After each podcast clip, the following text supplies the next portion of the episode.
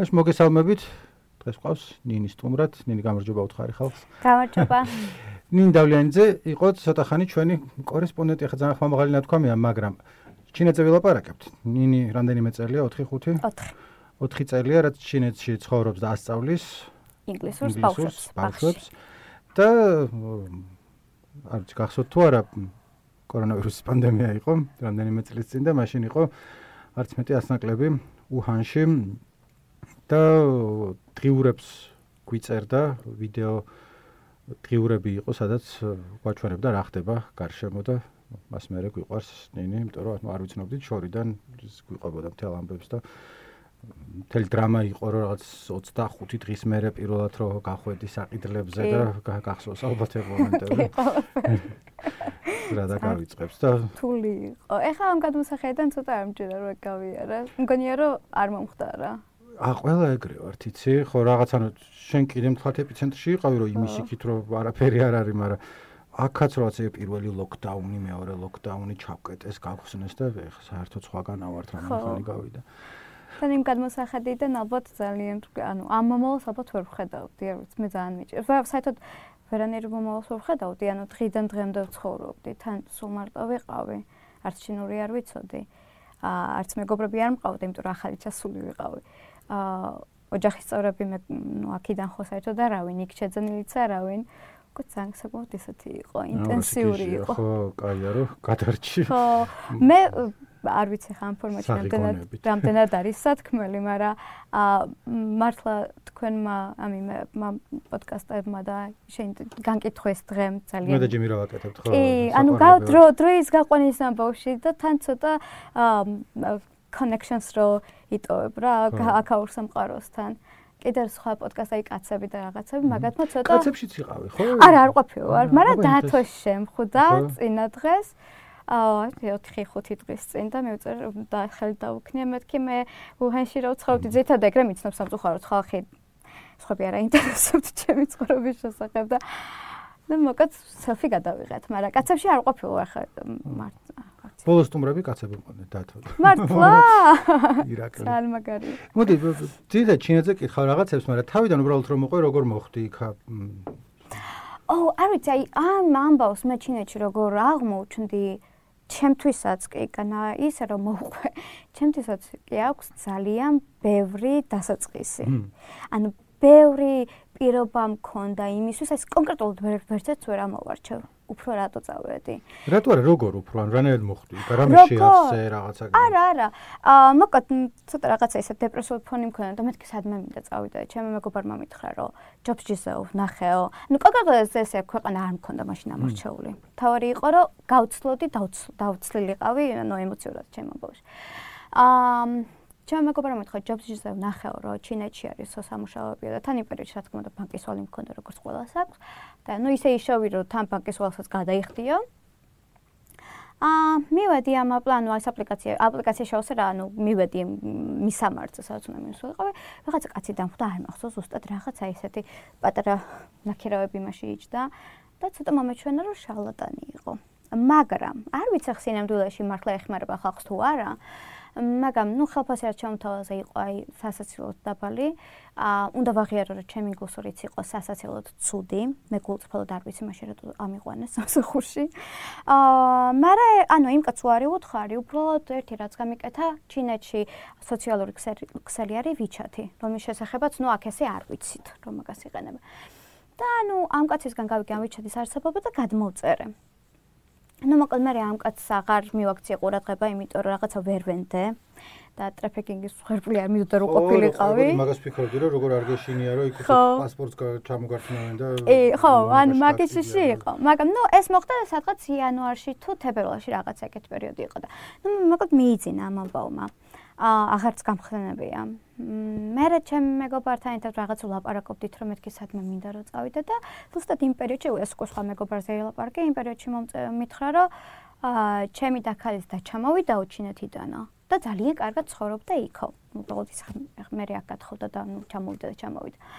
და თუ გინდა დაგაკავშირებო.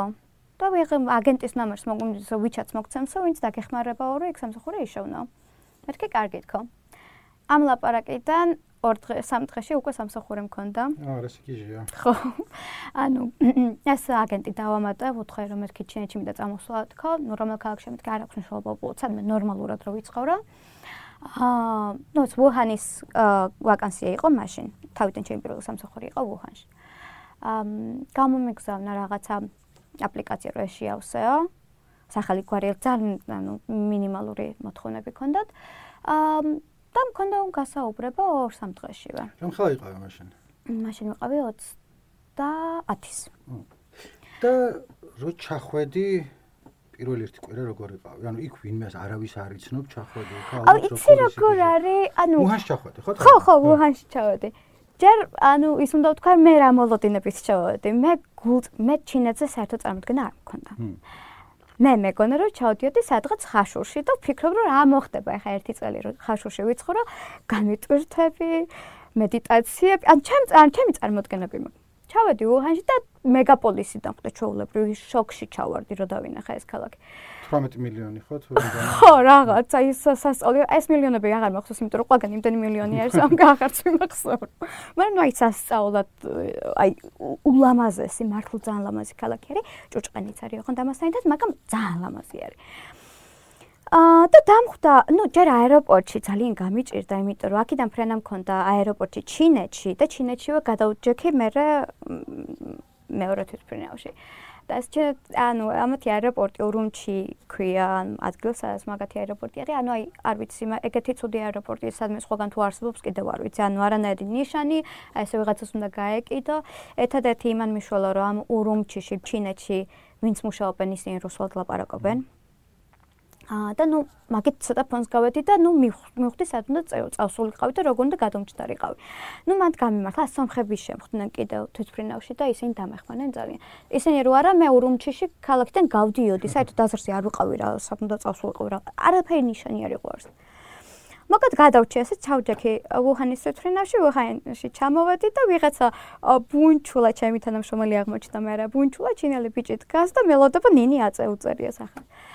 მოკლედ ამ ეს ბიჭი გადამყვა თან აა წამიყვანა თავიდან სასტუმროში დამაბინავეს იმიტომ რომ ჯერ არ ქონდა ჩემთვის სახლი ნაშოვნი ანუ სახლი სამსახურმა მიშოვნა ეს ბიჭი გადამყვა თან წამიყვანა მაღაზიაში რაც გჭირდებაო იყიდო ანუ პირველი კბილის პასტა პური ისე ეს ანუ უბრალოდ ერთი დღე გადარჩე აა მაგრამ ან პირველი კვირა ეგეთი იყო რა ან მეორე დღეს უკვე გავედი სამუშაოდ უბრალოდ ამიხსნეს რა ხდებოდა რა უნდა გამეკეთებინა. მ როგორ არის ცი სკოლა არის თუ რამე დაწესებულებაა მე უჰანში რა ჩავედი ვიყავი ა ორ წლამდე ბავშვების გასართობი ცენტრი იყო. სამი თვიდან ორ წლამდე. რეალურად მშობლობთ ენთად არიან ბავშვები. და უბრალოდ აი ბურთი გააგორე, გამოაგორე, პარაშუტი ააფრინე და ააფრინე, მუსიკა ჩართე, იცეკვე, ანუ აი არაფერი განსაკუთრებული. მე გიყოს ჩემი საქმე, უბრალოდ იღლები რა, 45 წუთი უნდა იხტუნაო, იხტუნაო, იხტუნაო. მაგრამ 45 წუთი ჩემს ხელს რა ვართოდი, მაშინ ვიღლებოდი ხოლმე. შვილები გაართ. ხო. ხო, მაგრამ ნუ აქ მშობლებიც არიან და ნუ საინტერესოდ არის საერთოდ დაწყობილი რა გეგმა. აა მაგ ანუ მაგ პერიოდში ინგლისურით ზერთადად არ მჭირდებოდა ძალიან ორწენდადება სომფუტი გამარჯობა და ახლა ვითამაშებთ ამას, ახლა ვითამაშებთ ამას. უცხოელებს მიმართ როგორი დამოკიდებულება აქვს? თან თქვა ვიცი რომ იაპონიაში უფრო ვთქვი რასისტული სწორი ფრაზაა თუ არა, მაგრამ თქვა ეხლა რომ ჩადიხარ რეგიონში კედმაღლურად უყურებენ სხვებს. აუ იცი როგორ არის? ჩინეთში ნაკლებად არის, ხო? ეგრე თუ ეგეც არა. საკმაოდ რასისტები არიან. საკმაოდ, მაგრამ აა რაღაც მომენტში მე ცოტა ისე ორივე მხრიდან უყურებ ხოლმე ყველაფერს. აა იმათი, ანუ სანამ ვუხანი რო დაიწყო, სანამ ჩვენთან აქ შემოვიდოდა ეს კორონა მაშინ ჩინელებს რაც გაუკეთეს მატერიალში რო დაიწყო მთელი მატერიალი.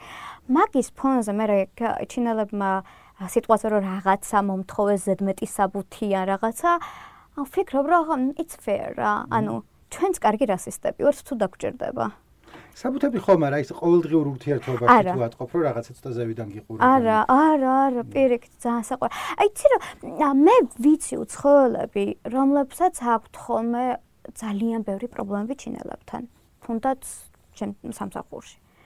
აა მაგრამ ის პრობლემები, რომლებიც მათ აქვთ, მე არასოს არ მქონია.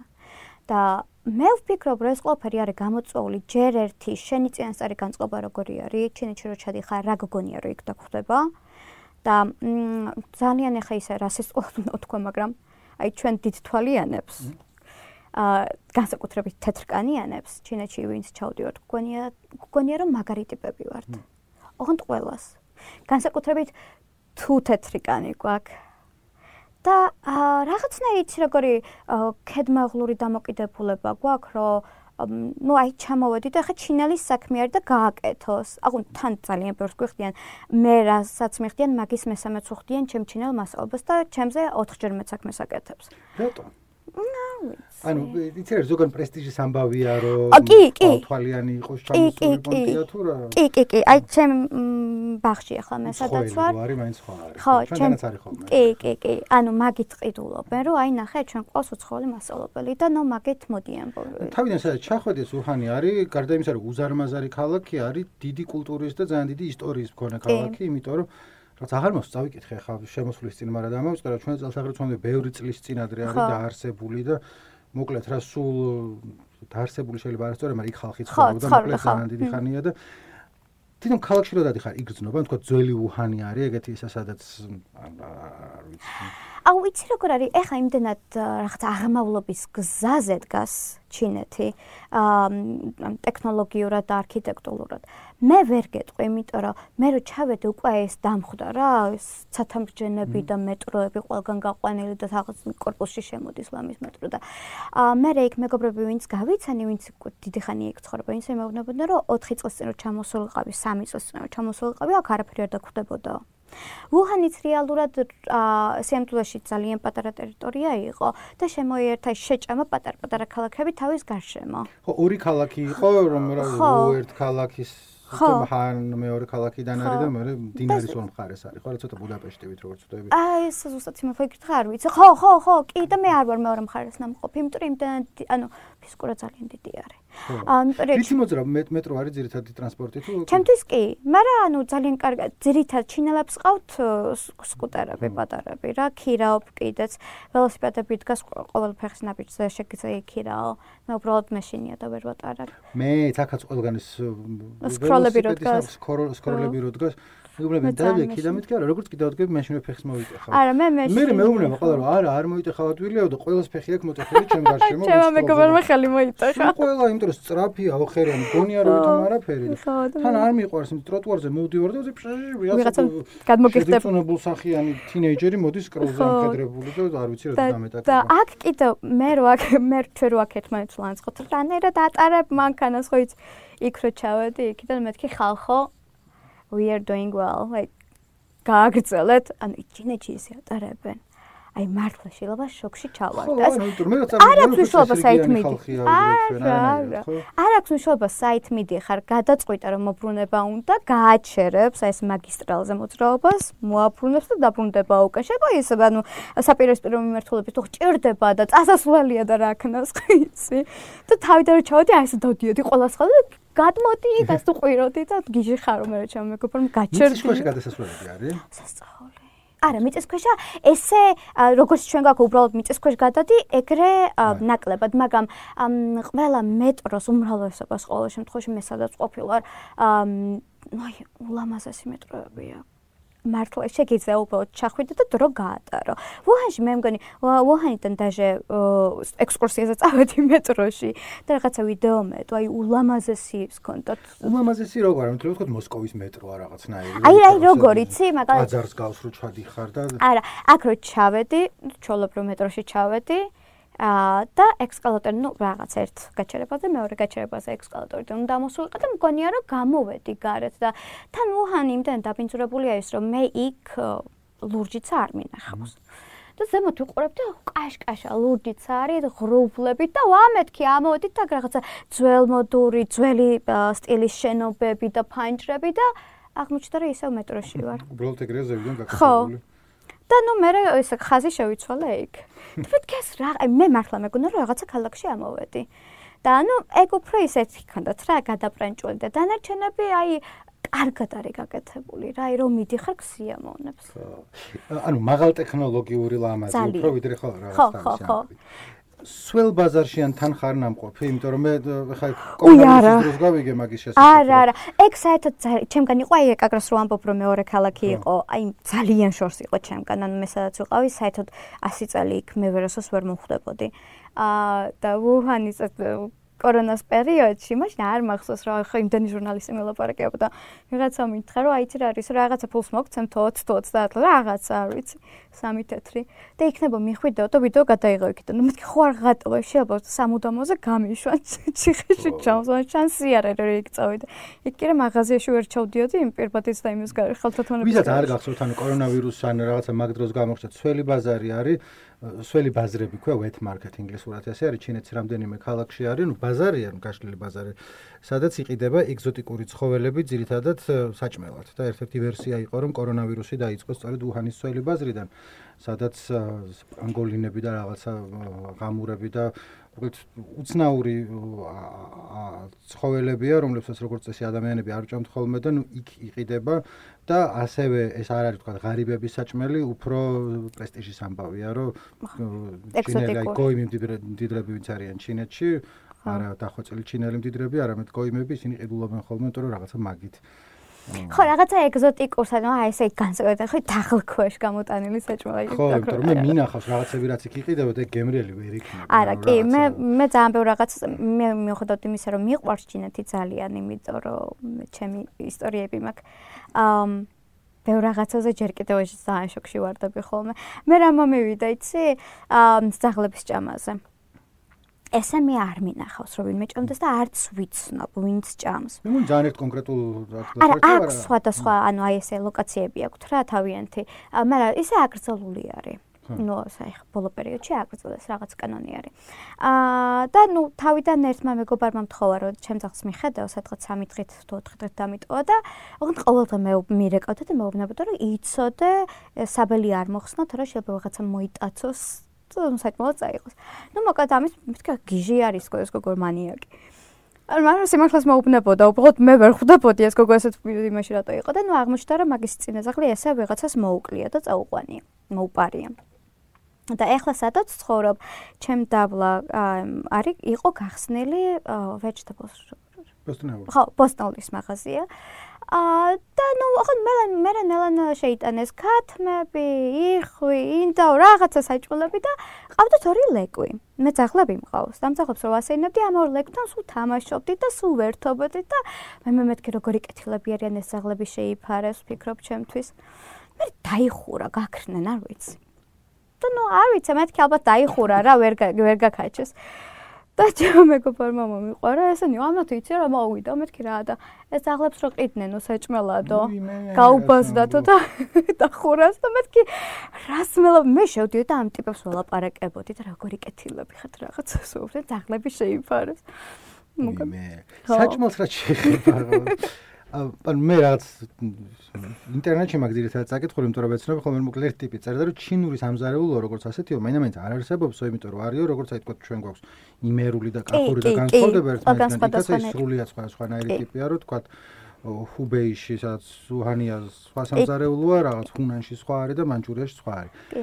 აა რამდენი რამდენად ხედავდი მაგას? ანუ სხვა ადგილას რო შედიხარ საერთოდ სხვანაირი საჭმელია თუ აი არა კი აქვთ თავიანთი რაღაცა. მაგალითად უჰანში რა ვიყავი იქ აქვთ ერთი კონკრეტული ჩვენ ლაფშას რასაც ვეძახით რაგამიანი ქვია? არის უგემრიელი. ეგეთი გემრიელი ნუტლსი მე ცხოვრებაში არ მიჭამია. ანუ ეხლაც ჩინეთის სხვადასხვა ქალაქში რომ მიდივარ, ნუ მაგ ვუჰანის ვუჰანის არა, ჰუბეი ქვია, ვუჰანისადაც არის პროვინციას და ანუ ჰუბეის პროვინციიდან მოდის ეს რა გამიანითა, ნუ ყველგან ცნობ რა ეკუჭამო, მაგრამ აა ესე ეგ არის ცხარე მშრალი თუ რაღაცა წავიკითხე. შრალი არის ემი ფინატს ხო, მიწისთხილი. ხო, მიწისთხილით და რაღაცა соусები ასხიაზე მოდან, ხო ძალიან გემრიელი არის, ასწაურიერი მართლა. აა მაგრამ აა ეხა მე სადაც ვარ? აქ ცოტა შერეული. ეხა ვარ ცოტა სამხრეთში. ფოშანი ქვია ჩემ ქალაქს. და რაღაცა შერეულები აქვს და აქვს რაღაცა თავიანთი, ესე ჩინელმა ჩემმა ჩინელმა მასობ ბარო წამიყვეს რაღაცები გამასინჯის. ვერც დავიმახსოვრე არც მომეწონა და ისე სიობის გულისის რო ჭამე და კარგი იყოს, მადლობა კარგია, მაგრამ ნუ რაღაც დავინტერესებული იმ საჭმელებით. აა ნიმბოში მანამდე სადაც შანჰაის სკვერზე ვცხოვრობდი, იქ უფრო თევზაულები გქონდა. ხო და ნუ აი ეგრე არის რა მაგას აქ ჩვენთან რო გუმბაო ვართ აა იქ ესე ავი გუმბაო არის მე მგონი ეს ამერიკულ ჩინური გამოგონება რამდენადაც ვიცი ხო ზუსტად არ ვიცი ჩინური ფესვები აქვს, მაგრამ კიდე ცალკე მიმდინარეობაა. ნორს ჩინეთიდან არის. იქ აქვს, მაგრამ აი ხა ესე რომ შევიდე მე არც ერთ ჩინურ ჩინურ სუფლაზე არ მჭდაო და ეს გუმბაო არ მოუტანიათ რომ მოდი აბა ეს ვჭამოთ. ჩვენთან როგორც არის ესე მე ძალიან მიყვარს. მაგრამ ნუ იქ ესე არა, დაჟრაობლები რა თქმა უნდა. მაგაზე დისკუსიას ვკითხულობდი რომ ანუ ხანდახან ამბობენ რომ გუმბაო და გენერალი ცოს ქათამი ქვია ამერიკული კერძია ეგეც. რა ჩინური არ არის და სხვა ამბობენ ჩინური არის, იმიტომ რომ უბრალოდ ამერიკაში ემიგრირებული ჩინელების კერძებია, რომლებსაც იქ რაც ჰქონდათ იმის მიხედვით აკეთებდნენ და ამიტომ რაღაც მაგის ნაირ სახეა. ხო, ხო, ხო, ხო, შეიძლება. შეიძლება ავთენტური იმპონჩი არ არის, რომ იქ სადღაც თებში ჩინეთის აჭამენ, მაგრამ ნუ პელმენებიც კარგები აქვს თუ შემხარეს არ იყო ესეთი რაც არა არა არა კარგები აქვს რაღაცები აქვს ეს დამპლინგები ზოგი რამ ერთი გავს ჩვენ ხინკალს მაგრამ უბრალოდ გავს.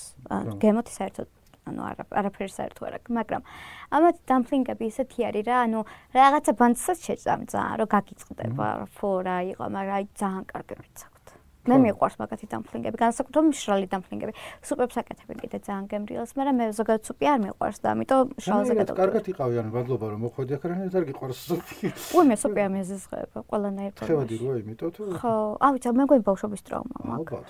ხო, იმიტომ რომ პატარები ანუ მაშინ ხო იც ყოველს რო გვიჭირდა ეს წყალს წყალს სუპებს უთით და კი კაცო ფახვირებს ურავდა მაგრამ ხო. მას მე სხვა ჩვენს მეც кай ხანი ეგრე მქონდა და ანუ წინათ მივხვდი რომ სუპები შემიყვარდა თავიდან იმიტომ რომ სხვანაირი სუპების გაკეთება და თან მეც აი ხა იქ აზიაში არ ყოფილვარ, მაგრამ რაც ევროპაში აზიული მიჭამია, მოკლედ დავასკვენი, რომ სუპების მეფეები აზიურებია. არა, ძალიან კარგები აქვს. ეხლა ჩინეთში, ჩინეთს რა აქვს კარგი, იცი? ანუ ყველა კუთხეში, იმიტომ არ ვიცი ესე კონკრეტულად ვინ სად რას ჭამს. რომ ყველა კუთხეში არის ყველა პროვინციის რესტორანი გახსენთ თან ნუ ჩინელებს ოღონდ დაჭამეთ და მეტი არაფერი არ უნდათ მართლა ჭამაზე დგას მთელი ჩინეთი. აა თან ყველაფერს ჭამ ყველგან. მე ხვდი, ანუ არავნაირი დანაკლისი არ გაქვს, რომ აი მე ხა იმ პროვინციაში უნდა წავიდე, რომ რაღაცა გავსინჯო. აა ნუ რატო დავიწყე ხა ეს? აა სუპებზე. ხო და ნუ ეს სუპებიც ყარია, ნუ ყველგან ყველას აქვს და მე შემიძლია ვარ ვიტან. და მ ხო, ეგ არის ხო, ჩვენთანაც ხო ეგრე არის შეიძლება იმ დროს იმერეთში ვიყავი და აჩმა ჭამე რომელიც არ იყო ცუდი ხა ნორმალური იყო მაგრამ ხო უბრალოდ ეხა იქ თუ შეხვალ იქ უფრო თან სხვანაირ გემოს ეგ არის განსხვავება თორე დანარჩენი ყველაფერში აი ეს რო იყო კიდე ქვებზე რო ძალიან მოდებული რო იყო.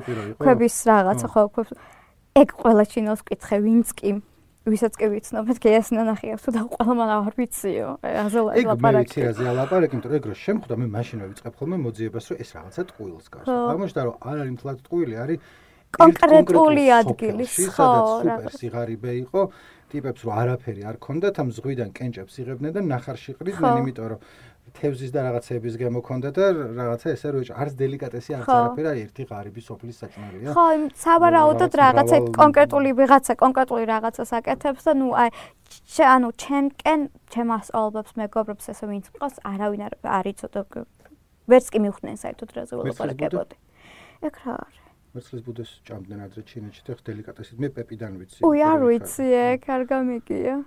ეგ არ გამიგია. რა რა რა პონტია ზუსტად არ ვიცი, მაგრამ რაღაც ეგეც კონკრეტული ადგილის ამბავი და საჭმელად ითვლებოდა თავის დროზეო, მაგრამ რამდენად სანდო წყარო არის პეპი გრძელი წინ და იმისთვის რომ ჩინელების ახო არ ვიცი. კულტურის შესახებ ინფორმაცია მიიღო. არა სხვაგანაც სხვაგანაც ამიკითხავს ანუ იყო ეგ პონტი, მაგრამ ზუსტად არ ვიცი. მარტო უჰანზე რო არ კითხო რა რომელ დიდ ქალაქში იყავი კიდე რაღაც ხანი რომელზეც რამე შემელია რო გკითხო. აი ახლა გუანჯო ფოშანი, გუანჯო არის ერთ-ერთი დიდი ქალაქი ხუთეული აქვს. კი, მე მგონი კი. ანუ როგორ არის ციცი ჩინეთს ხო, ანუ მეხუთე არა ხუთეული აქვს. ანუ დიდი სიდიდეზე არ არის. ანუ აი ესეთი ძლევამოსილი ქალაქი, ხო. აა პეკინი, შანჰაი, აა გუანჯო, შენჯენი და მეხუთე რომელი არ ვიცი, მეგონი ტიენცინი არის თუ რაღაცა. მაგრამ ნუ მოკლედ რა დიდი ხუთეული აქვს რაღაც ქალაქების. ჩემი ქალაქი ანუ ერთემ გუანჯო არის, როგორ არის იცი? აი თბილის რო ცხეთასთან მისერთებდეს subway. აი ზუსტად მე და გვანჯო, ჩემ ქალაქს და გვანჯო საერთო მეტრო აქვს და მე რო ჩემთან დავჭდები ზუსტად ერთი სტეიშენის შემდეგ ვარ გვანჯოში. ანუ ფაქტობრივად გარეუბანია რა. ხო, რა თითქმის, მაგრამ ეს ჩემი ქალაქიც რაღაც 14 მილიონი ცხოვრობთ. ხო, რა გარეუბანია, ხო, ანუ პრობლემაა. ხო, არა. მაგრამ იქ შენი ქალაქი უფრო უფრო წყნარი არის. ჩემი ქალაქი არის წყნარი და იცი როგორ აა ჩემ ქალაქში ცხოვრობს ძალიან ბევრი, იმიტომ რომ უფრო იაფი არის და სიწყნარი არის და მუშაობს გვანჯოში. ხო. ნუ რუსთავი ვიტყობ. ხო. ასე ვთქვათ, რომ რა, როგორ რუსთავიც ქალაქია და ხო, იგივე რა, მეტროში რო ჩარეხინდა იგივე იქნებოდა რა. მაგრამ ვთქვათ გართობა თუ გინდა. მოდი ჯერ უჰანზე კითხავ რომ აი რაღაც night life-ს რასაც ამბობენ როგორია რაღაცა კლუბები? კლუბში მაგრამ ასე ტექნოკლუბს არ გულისხმობ მაგრამ აი რაღაც პარასკევს რომ მიდიხარ სად მიდიხარ გასართობად აა მოკლედ ვუჰანში მე რა ვიყავ მე დიდი დრო არ მქონდა იმიტომ რომ ჯერ სანამ მეგობრები შევიძენ და სანამ იქ გავარკვე რა ხდებოდა. რა და აქედან მე რა აქედან ვისა 6 თვე იმჯაკეთილი ვიყავ ხო აა პლუს კიდე თან ხა ძალიან რთული არის ასე უცებ გაერიო ხახში თან მე არ ვარ ესეთი ძალიან აქტიური ადამიანი და მიჭირს ასე აა უცხო ადამიანთან კონტაქტში შესვლა. აა შესაძლებლად ესე ცოტა გამიჭირდა, მაგრამ ნუ მაინც რაღაცები რაც მოვასწარი. აა night club-ები თან ძირითადად მე მგონი მთელ ჩინეთში ეგრე არის. პეკინს აქვს ცოტა უფრო კარგი, მაღალი დონე. აა დანარჩენი night club-ებში სადაც ყოფილ ვარ, არის რა. აი ცოტა ტუნცუ დესპასიტო მუსიკაზე აი ძალიან გრიალებენ. ამ და ნუ აქ ჩემი სტილი არ არის. აი ძალიან თუ დაუთრებით მეგობრები და უნდა წავიდე წავიდე, შეიძლება გაუყვერთ ხო, მაგრამ აი ესე რომ აი წამოდი ახლა იქ წავიდეს დავიქრიალ. რა თქვა იქ ექსპატები ქვია თუ რა ქვია? ხო, ექსპატები ქვია. აი შაბათს როგორ ატარებთ? აა იცი როგორ აი ძირითადად გავდივართ ესე აა რაღაცა ადგილები გვაქვს, სადაც აი უცხოელები მივდივართ.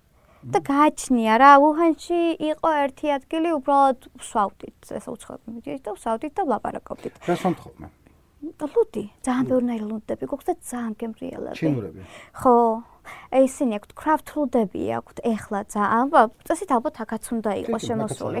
სხვადასხვა ხო სხვადასხვა ხილის და ახაც საერთოდ ვერ წარმოიდგენ ისეთ სახეებს ვახ ყავის ლუდი და ფორთოხლის ლუდი ძალიან გემრიელებია. მე ჩინური არყები რაღაცები არის მაგათი. კი. ჩინური არყი აქვთ ბაიჯო ქვია, ჭაჭასავი, თაღონ ჭაჭას რო დალა და აგელგული და დამთავრდება. აა და ჭაჭა არ დაგიდოვია ნუ არის. ბაჭი მიწლია. ერთ-ერთ ჩემს საყვარელი სასმელი. ბოდიში შეპირაჭი ორასყოფად არ მიიღო. რელიგიური ძნობა არ შეგეწია, მაგრამ ანუ ცხადია, ვისაც მიყვარს, ვიცით რომ ნეიტრალია, მაგრამ ნუ ხო, რაღაც. ხო, მაგრამ ანუ მიუხედავად იმისა, რომ არ მიყვარს, ხო დამილევია, ნუ შეგაჟრიალებს და ნუ გაივლის, ცოტა და გაივლის. ბაიჯოს რო დალევ მაგათ სოკოლ ჭაჭას. აა, სადღაც ერთი 3-5 დღე შეიძლება მაგის გემო გაყოს, ანუ ვაჭარებ, მაგრამ აი მყრალია და გემო გრჩება რა. ის ის ანისის გემო გრჩება თურქული აუ არა რაკში, აი რაღაც. აი რა ეგ ხო იმაზე ბრინჯის იმაზე არის რაღაცნაირ, აუ არ ვიცი, ვერ აღვწე რაღაცა. ეთხა მაქვს ძალიან ცოტა გასინჯული და. ხო, მე მე სტუმრად იმას საჩუქრად ჩამოვიტანე აქ. აჰა, ეს ჩვენ სულ სამთხოვნე რომ დაცინა. აბა ეხლა ეს. იმედი არ დალებენ. ან სან მე რო წავალ მე დალავენ რომ ვერ დამეცი. შენ ალბათ არა, იმიტომ რომ ეს წესერი გოგო ხარ და სხვა ექსპერტები მოსაწევზე არის. არა, იქ არ შეიძლება. აქ წალულია. არა, როგორ არის იცი? აქამდე, მანამდე, სადღაც ერთი დაშე თემი შეყვარებული მეუბნება, რომ აი ერთი წელს წინაცო გქონდა ოპონტები, რომ ჩალიჩოვდითო. და მე რა უცებ წკაპდა ყველა დაიჭიროს. და საერთოდ გაქ რა, საერთოდ ვერ შეულობენ. და დარჩენ ესე. მაგრამ ისედაც აი როგორ რეიდებს ატარებენ ხოლმე ნაით კლუბებში, ძირითადად მაგით ვარ დავდივარ. რომ ესე რენდომად უცებ შეიძლება შემოცვიდნენ რეიდი ჩაგიტარონ და ყველა გაყარონ გარეთ. წაგაგი წაგიყვანონ პოლიციაში რაღაც დაქტონეთი ორი დღე შეგამოწონ დრაგებზე იმაზე ამაზე რაღაცა და ნუ ძალიან სტრესული არის. ნუ მაინც აკეთებენ სავარაუდოდ ეს რაღაცებს, მაგრამ ნუ ძალიან სარისკოა. კი, მაგაზე მინდოდა მეკითხა რომ რახან ჩინეთი, ნუ ესეთი ქვეყანა როგორიც არის, ანუ რამე პოლიციის მიმართ თოთ ქუჩაში თომედი ხარ და პოლიციელი დაინახე ცოტა ერიდები თუ საერთოდ არა. არა. არა. ანუ თუ უნდათ რომ რაღაცა გააკეთონ, გააკეთებენ, მაგრამ ესე მე მე სიმართლე გითხრა არნაირი პრობლემა. ალბათ ეგ იმაზე არის დამოკიდებული შენ თვითონ რამე გააქვს მეკარული თუ არა რა, თორე მე არ მქონია შემთხვევა რომ პოლიციასთან შენ აი რაღაცა რამე სახის შელაპარაკება მქონოდა ანუ რა. ხო, სხვა ჩინელები ვისაც ისნობს რომ არა, არა, არა, არა, ხო, არანაირი შეშფოთება. აი სოციალური კრედიტის ამბავი რო არის ჩინეთში, რამდენად იგრძნობა, თქვა აი ახლობლები ვინც ყავს ჩინელები მაღაზიები ფიქრობენ, არ ფიქრობ საერთოდ ლაპარაკის თემა არის თუ არა? საერთოდ. საერთოდ. აი ეგეთი ეგეთი მეებს რომ აი ხა ეს მიჭირს და ხა იქ რაღაცა ქულად, ხა იქ ბანკი და რაღაცას ჩემამდე საერთოდ არ მოდის. არ ვიცი, არც არც ლაპარაკობენ და დიდად მე მგონი არც ადარდათ, არ ვიცი. ხო, ცნაური ამბავია. ხო. იცი როგორ არის, თან ხო მაგათ კომუნიზმი აქვს. აა და სავარაუდოდ რაღაცებიც ეშინიათ რომ თქვან ხოლმე. ჩვენც რაღაცა ცოტა ისეც რო ვიტყვით, მე რა ტელეფონთან ახლოს ვიძახით რომ we love China რაღაცები რომ. ხო, გასაგებია. შემთხვევით ვინმე არ დაგვადგეს თავს. აა, მაგრამ ნუ ესე არავინ არავის არაფერი ესე რო გითხარ რომ აწუხებს ნუ ყოველ შემთხვევაში ჩემთან ანუ არავის არ გამოუხატავს რომ ან ეს რა წყობილება გვაქვს თქვენ რომ აი ეს ანუ არა ხო ანუ შეიძლება ფიქრობენ და არ გეუბნებიან შეიძლება არც ფიქრობენ და შეიძლება არ იცი რა არის ამ კი აქვს ეს კომუნიზმი და რაღაცა მაგრამ საშუალო დონე ფინანსურად იმდენად მაღალი აქვს თან პლუს არც ჩაკეტილები არ არიან მოგზაურობენ სადაც უნდათ დადიან. აა ჩემ ასწავლოს რა ვიცახი რომ ჩემზე სამჯერ ნაკლები ხალფასი აქვს თქო მე 4 წელი ტელეფონი ვერ გამოცვალე და იმათ ყოველ წელს ახალი iPhone-ი აქვს ხო მე ხვდი თან ძალიან ბევრი დისკაუნტი აქვს. განე ის რომ მარტო ფულით ამ ბავში აა ძალიან ბევრი დისკაუნტები აქვს და ძალიან ბევრი აი მე რო ექიმთან წავიდე შეიძლება ნახევარი ხალფასი დავტოვო. და ეს რო ექიმთან წავა გადაიხდეს 10 ლარს და იგი ხო და ყველა ხო ნუ ძალიან ისე არიან რა კარგად რა. და ისე ვთქვათ, მაღაზიებში სიწვირე არ ვიცი როგორ უნდა გაზომო ადამიანმა, მაგრამ ორ ორნაირად გითხავ, რომ ერთი იმპულსთვის რაც იქ იღებ, აი რამდენად გეძვირება და მეორე საქართველოსთან შედარებით. აი ცი როგორ არის?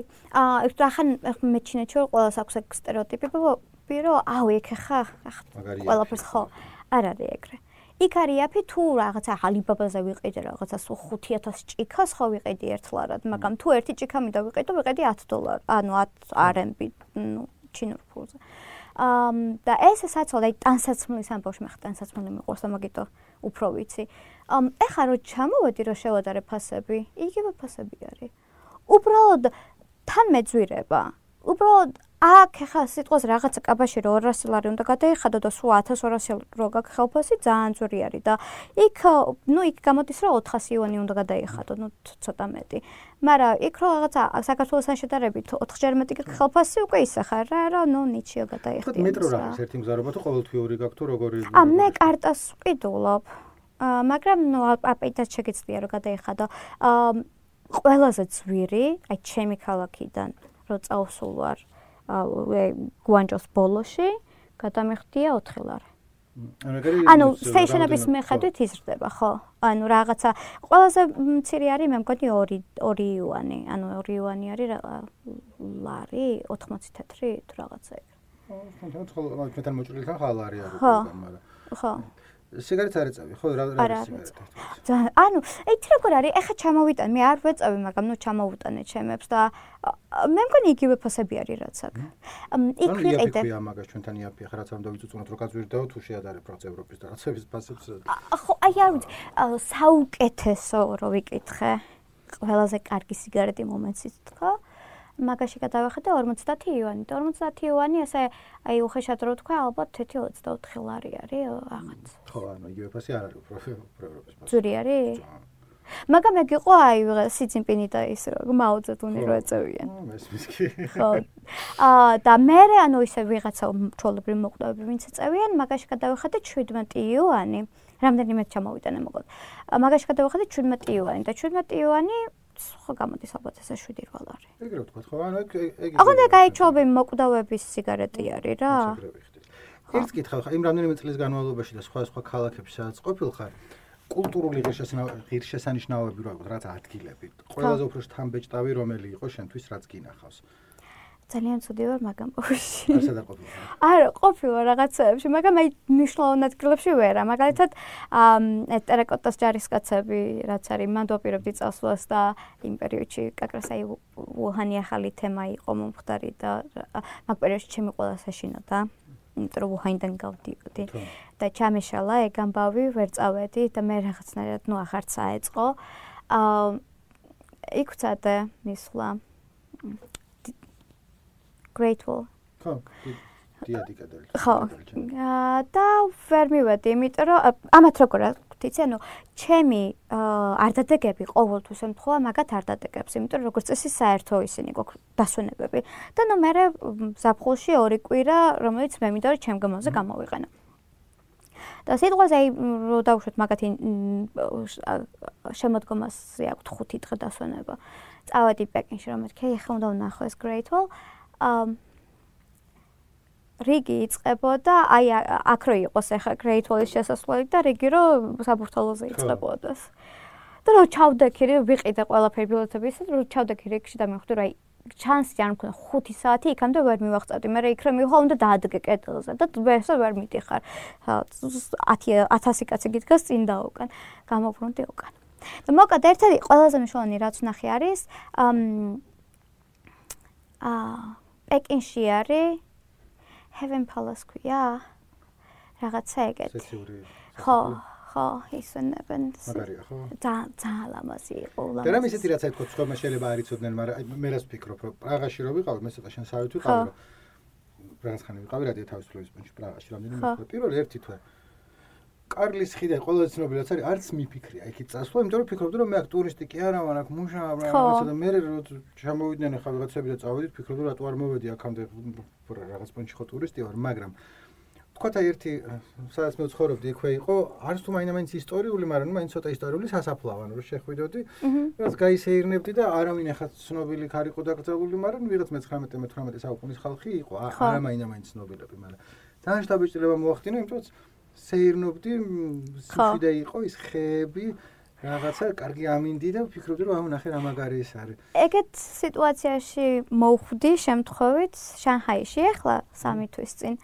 აა მოკლედ შანხაიში ვიყავი ჩასულები და მეგობარმა გითხრა რომ იქით რაღაცა უბანზე გითხრა იქ გადადითო ძალიან ლამაზი არისო. და ნუ ჩინეთის ზოგადად ეხლანდელი ჩინეთის ჩინეთის ჩინეთისთვის არის დამახასიათებელი აი უზარმაზარი ცათამბჯენები. ყველა ქალაქი მაგიტო გავს ერთმანეთს. აი რო გითხრა რომ აი უჰანში რო ჩავედი და ეხა გუანჯოში რო გადმოვედი, რამე განსაკუთრებული ვნახე? არა, იმიტომ რომ იქაც აქვს განათებული კოშკები და აქაც აქვს განათებული კოშკი. ანუ არა, ყველა ქალაქი არის ეგეთი. და ყველა სეზონი დღე მნიშვნელობა არ აქვს, მთელი ჩინეთს აქვს სულ ახალი წელი, ჩვენთან როგორც არის ახალ წელს განათებული, აი ეგრე არის მთელი ჩინეთის სულ ყოველთვის. ამიტომ რაღაცა თავიდან არის ეფექტი და მე რა ეჩვევი და უკვე აღარ მოქმედებს ეგეთი რაღაცები შენს. და ამ შანხაიში რა ჩავედით ამ უბანში მივედით.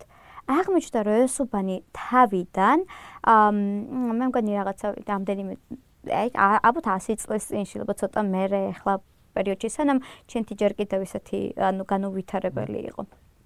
უცხოელები ვინც ჩადიოდნენ, უმრავლესობა მე როგორც მითხეს რომ მე მგონიო არ ქონდათ უფლებაო რომ სხვა ქალაქებში შეცხოვოთ, ამიტომ შანხაიში რჩებოდნენ, მაგრამ მე მგონია ალბათ უფრო ბიზნეს ამბავში შანხაი ერჩუნეთ. ну მოკლედ anyway აქვთ აშენებული თავიანთი სახლები. აი, სუ ევროპული სახლები იდგა და ერთ უბანში რომ შევედი, ვაიმე მეთქე პლეხანოვზე შემოვედი თქო. ოღონდ მართლა ერთი-ერთი პლეხანოვი იყო. და ეგ იყო ნუ აი ჩინეთ ჩემთვის რაც იყო გასაკვირი ჩინეთის ფონზე რომ აა მეთქი ვარ რა მაგარია მაგრამ ეს სხვა ეს ღირს შესანიშნავი ეს იმას რო ეძახიან ავატარის ტყე და რაღაცა დიდი კედელი და ტერაკოტას ჯარისკაცი ანუ ეგენი ძალიან მაგრები არის მაგრამ აი ეს იყო რამაც ძალიან დიდი ის მოახდინე ჩემს შაბათს მე ყოველდღიურობაში მაინც არ გხვდება ხო? ამიტომ ვფიქრობდი თბილისზე რა თბილისის მუხა მეგერო და დიხარ და უცებ რა ძველ თბილისში ხარ მე ახლა თბილისში არა არა იქ ეგრე არა. თბილისში მოხდეს განსხვავებულია მაგრამ რაღაცა არა არა იქ ეგრე არა.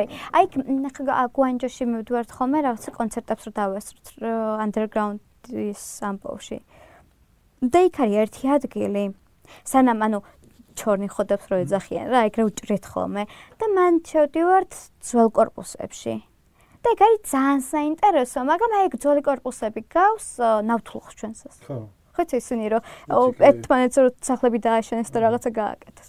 ну, ახლა ეგ ძალიან ცოტა არის დარჩენილი. რო კლუბები ბლომათ არის, თქვა თუ აუ, უნდა უნდა იცოდე, უნდა იცოდე. მე მაგალ მე მიყვარს. არა, კი, ანუ ესე რო კლუბები არ არის, უბრალოდ აი დიდი space როგორ არის? დიდი სივრცეები არის და ნუ მე იქ ქირაობენ იმ ადგილს და ნუ რაღაცა ივენთებს აწყობენ. აა მაგრამ ანუ უნდა იცოდე რა, მე ახლა 4 3 წელი იქ ისე ვიცხოვრა რომ მეგონა დესპასიტოს იქით ჩენეთი არაფერს არ უსმენდა. ოღონ მართლა, იმიტომ რომ ანუ თან აი აი რა კატეგორიასთან გიწევს ურთიერთობა გააჩნია რა. და ესე მასიურად რომ უბრალოდ ანუ ჩემი ერთადერთი საშუალება რომ ხალხი გავიცნო ჩენეთში არის ის რომ ბარში უნდა მივიდე და ვიღაცა უცხოებს უნდა უთხრა გამარჯობა ვიმეგობროთ იქნებ. მე ისან გემეგობრება ან არა და ან გიჟი ხარ რატომ მოხდა? ალბათ ცოდნა უნდა ხო, იმიტომ რომ როგორც ხვდები, ასევე ჩინეთშივე არის აი ულტრა სუპერ მდიდარი ხალხის ადგილები სადაც შემთხვევით არ მოხდება, იმიტომ რომ ჩინეთი არის მეორე ადგილზე მსოფლიოში, ნუ ამერიკის მილიარდერების რაოდენობით. ნუ ეს ამაზე ინდოეთია. ხო. ხო. რაღაც ანუ არის ასევე ფუფუნების და რაღაც სუპერ ლაქჟერი. კი, ეგეც აქვს. კი. რაღაცის ბრაბა ეგეთი ადგილები, მან შემთხვევით კი არა გვერდზე ვერ გაივლი შემთხვევით. აი ეგეც ხო, არც ვერ ეგეთ ადგილებში ნამყოფი, უბრალოდ ვიცი რომ ეგეთები არსებობს, იმიტომ რომ თითქმის ყველა ქალაქში აქვს ესე 2-3 რაღაცა სუპერ დუპერ აა საოჭრო ცენტრი ჩადგმული, სადაც მარტო შანელი და გუჩი იყიდებოდა რა, ანუ ზარას იქ არავინ რო არ გააჭეჭანებს. ახლა საქართველოს გარცდა გოსის როგორ ხუების დასანახად აი ეგეთი ძალიან გადაპრანჭული ფართები მთლად არავინ არ მიესალმება თქვა კომუნისტური პარტიისთვის არ არის მისაღები რომ ეს მილიარდერების ხოცა ჩვენ მე დაწმუნებული ვარ რომ ეგ ფული კაკრას რომ მაგაცთან მიდის და არა ცხადია რომ მიდის ხო არც აწუხებს შეიძლება. შეახარებებ ძალიან თორე შეიძლება. აა იცი რა მაგას ამბობენ. აი ხა მაგალითად წავიდ ლაპარაკი რა ყველა ბაღი უნდა გახდეს public. ანუ კერძო ბაღები მე ხო ხო კერძო ბაღში ვარ. უნდა გახდეს public რომ ყველას კონდეს ერთნაირი შესაძლებლობები სწავლის მიღების და რაღაცა, მაგრამ არ ვიცი, ანუ მე მგონი მაინც აი ვის როგორ უნდა რო გააკეთოს, რა დონეზე აწყობთ, რომ მოდი გავაფაბლიკოთ, თუ იქნებ რაღაცები დავტოვოთ ისე, ანუ ანუ აი რაც გულით ხობს, რომ თქვა ქუჩაში რამდენად ხშირად შეგვდება Lamborghini ან რა რაღაცა ეგეთი, ხო? კი, კი. აი ესე რენდომად მიდიხარ სადღაც და უცებ გაგიჩითება სამი Lamborghini კვერტი კვერტ მიყენებული რაღაცა Ferrari რაღაც. აი თვალებს რო არ უჭერებ, ისეთი მანქანები დგას ხოლმე. ანუ აქვთ საკაიფო. ანუ კი როგორ არა კაცო, სარი, მაგრამ რა ჩანს მე. აი კი, კი. კი. რა არის ისეთი ეს განსხვავების და მსგავსებებს ვეძებ, რომ თქვა მარკეტში რო შედიხარ, რამე არ ეგეთი ხილი ბოსტნეული ან რაღაცა და ჩვენთან როგორც წესი არ არის ხოლმე და იქ როგორც წესი არის. აა, ეს ტროპიკული ხილები მაგალითად, ყველაფერი. აქ რაღაცა ვიდეოები იჩდება ხოლმე, რომ მოდი გავსინჯოთ რაღაცა ხილი და გაჭირდეს, არ ვიცი რა არის, როგორ უნდა ვჭამო, იქ ყველაფერი მაქვს ნაჯამი იქ. ხო. ფეშენ ფუდი დაწყებული. ზოგი იმპორტირებული აქვს, ზოგი მოსდით. რამე ბოსტნეულები რასაც თვითონ იყენებენ სულ დაიკონი თუ რა რა რა დაიკონი ა საღალები კი არ ვიცი იმას რომ გითხრა მაგრამ აქვთ ეს. თუ აკეთებ? ა ქართულებს და ეს მაკარონს ხარშო და რაღაცები მაგრამ ჩინურს არ ვაკეთებ მარტო ეს fried rice რაღაცები მაგას ვაკეთებ. და ისიც ეს ჩვენ პონჩი აი ქართულ ამბავში თორე ეს ხო სახში ვოკი არა გაქვს გაქვს ნე რა არა. და სხვებს როგორც წესი აქვთ ხოლმე თუ? არა იცი რა არის ეხლა მე არ ვიცი სიმართლე რომ გითხრა ჩემი ასაკის ჩინელი რომელიც სახში საჭმელს აკეთებს. გაიჭამეს ო თუ? ხო. მე არ ვიცი გაიჭამდი ხოლმე და ეხლა ძალიან იშვიათად იმიტომ რომ ძვირია განაცვალე არა იქ არ არის ძვირი. აი როგორ არის მე რამდენჯერმე მიფიქრია რომ ეხლა უნდა გადავიდე money saving mode-ზე და საჭმელი უნდა მომზადო რაღაც წავიდე წავიდე წავედი ვიყიდე რაღაც ბრინჯი ის ეს რაღაცა. კი გავაკეთე. მე ყო რაღაც სამი დღე. მაგრამ მე დავიანგარი შემდენი დრო დავხარჯე დენი დავხარჯე ამდენი რაღაცა ვიყიდე იასახო ყველაფერი ვერ გამოვიყენე ზოგი დამილყვა ის ბულგარული მაცივარში გადავაგდე. დამოსობაში 4 ვანა ჩემეცლო რომ დაბლა მეჭამა.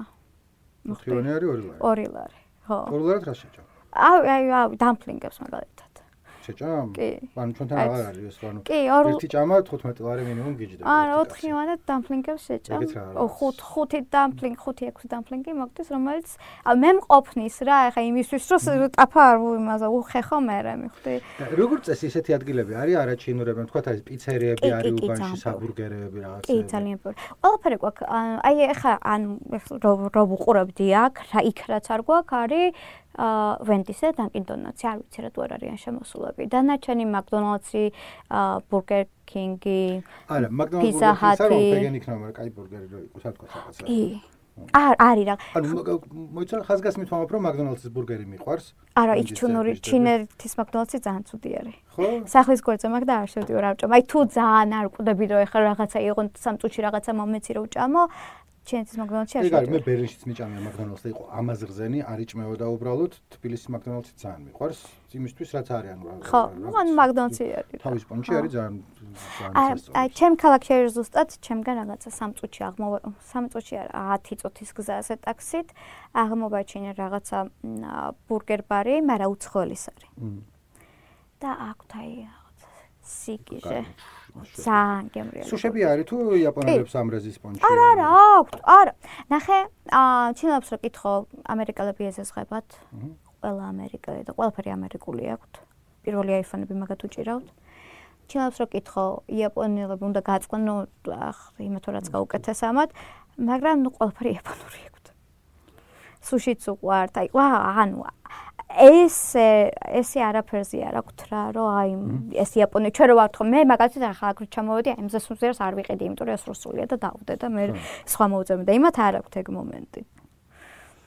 ნუ ახლა 10 წელს წინ ჩვენც არ ქონდა რუსულზე თუ რაღაც ხო ხო ანუ ჩვენც ახლა შევიცვალეთ ხო ამ ეს ამ სიტუაციას წელს რომ ენახარ რაღაცა რუსულია ვიყიდიდი მაინც ახლა. ხო ან მე ხო რუსი და მენახა სამაკიდან წავიდოდი ჩოლებროდ გამარჯობას ვეთყოდი დაჟა რუსულადაც ვეთყოდი არ დავამატლედი და ეხლა გუში კოცეზე რომ იმას ოქნი ხო კითხაი რაც ვთქვი. უხანში არ არის რუსები ბევრი თუ უხანში როგორ? რუსები ბევრი არ არიან თუ ოი მე ძალიან ბევრი არიან ყველგან. ყველგან მთელ ჩინეთში არიან მოტეფულები ძალიან ბევრი არიან და არ ვიცი არ მინდა რომ ძალიან ისე გამომივიდეს მართლა რაშისტები იყო მაგრამ მართლა რაღაცნაირები არიან აი ვერ ემეგობრები რა ძალიან გაგიჭირდება. მე ძალიან აი ამ ომამდე ძალიან ვეცადე რომ ისეთი ყოფილიყავი, მაგრამ ვერ გამომი. ანუ ვერ მყავს რუსი მეგობრები. მის მე მეც მიჭირს ხოლმე. ხო. მე აი ვიღაც ერთი ერთ გოგოს მე ის არა ვარ ასევე რასისტი რაც ყველა რუსი საზღერად რაც მაგის ხადია რო არ ვიზიარებ, მაგრამ მეორე მხრივ ხა სადვარჩიო რომელი კარგია და რომელი სამჭიქის მერე უცებ რაღაცა არა, იცი რა, მე მყავდა მაგალითად ძალიან კარგი მეგობარი მყავდა რუსი. ამ ის ჩემ ძალებს იტოვებ და მე იმის ძალებს იტოვდი, გავდიოდი, გამოდიოდი. ძალიან კარგი გოგო არის. ეს საურთიერთობად, მაგრამ ომი რო დაიწყო, მაშინ მითხრა, რომ ანუ ჩვენ ხო ეს ისინი რო წავიდა რო ეს რო ეს რუსები რაღაც სანქციები და რაღაცები, ამან თქვა რომ კი მაგრამ ხო ვიღაცები რო ამბობენო რომ აი რუსები უნდა მოკვდნენო რა წესი არისო ჩვენო რა დავაშავეთო და მეთქი რავი ანუ შენზე კი არ ამბობს ვინმე რომ უნდა მოკვდე მაგრამ ანუ შენი ხალხი კლავს იქ ხალხს ანუ ვერ გაიგო. ვუხსნიდი და ვერ გაიგო. და მე ნუ მე რაღაც მომენტში ხო იცი მთავრდება რა.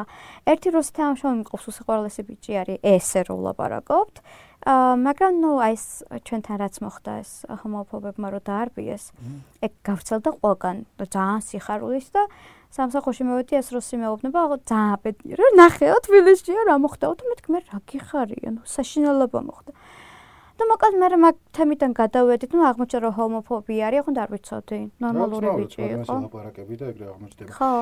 მაგ ეგამბავი როგორ არის ჩინეთში? ანუ რამდენად ჰომოფობიურია საზოგადოება? ყველა არის რაღაც არიან, არიან საკმაოდ. საკმაოდ. გეიბარები არის. აუ მე გამიგია რომ არსებობს, მაგრამ თან ჰომოფობები არის. ზოგადად ჩინელები არიან ძალიან ისინი ტრადიციონალური, ტრადიციონალურები რა.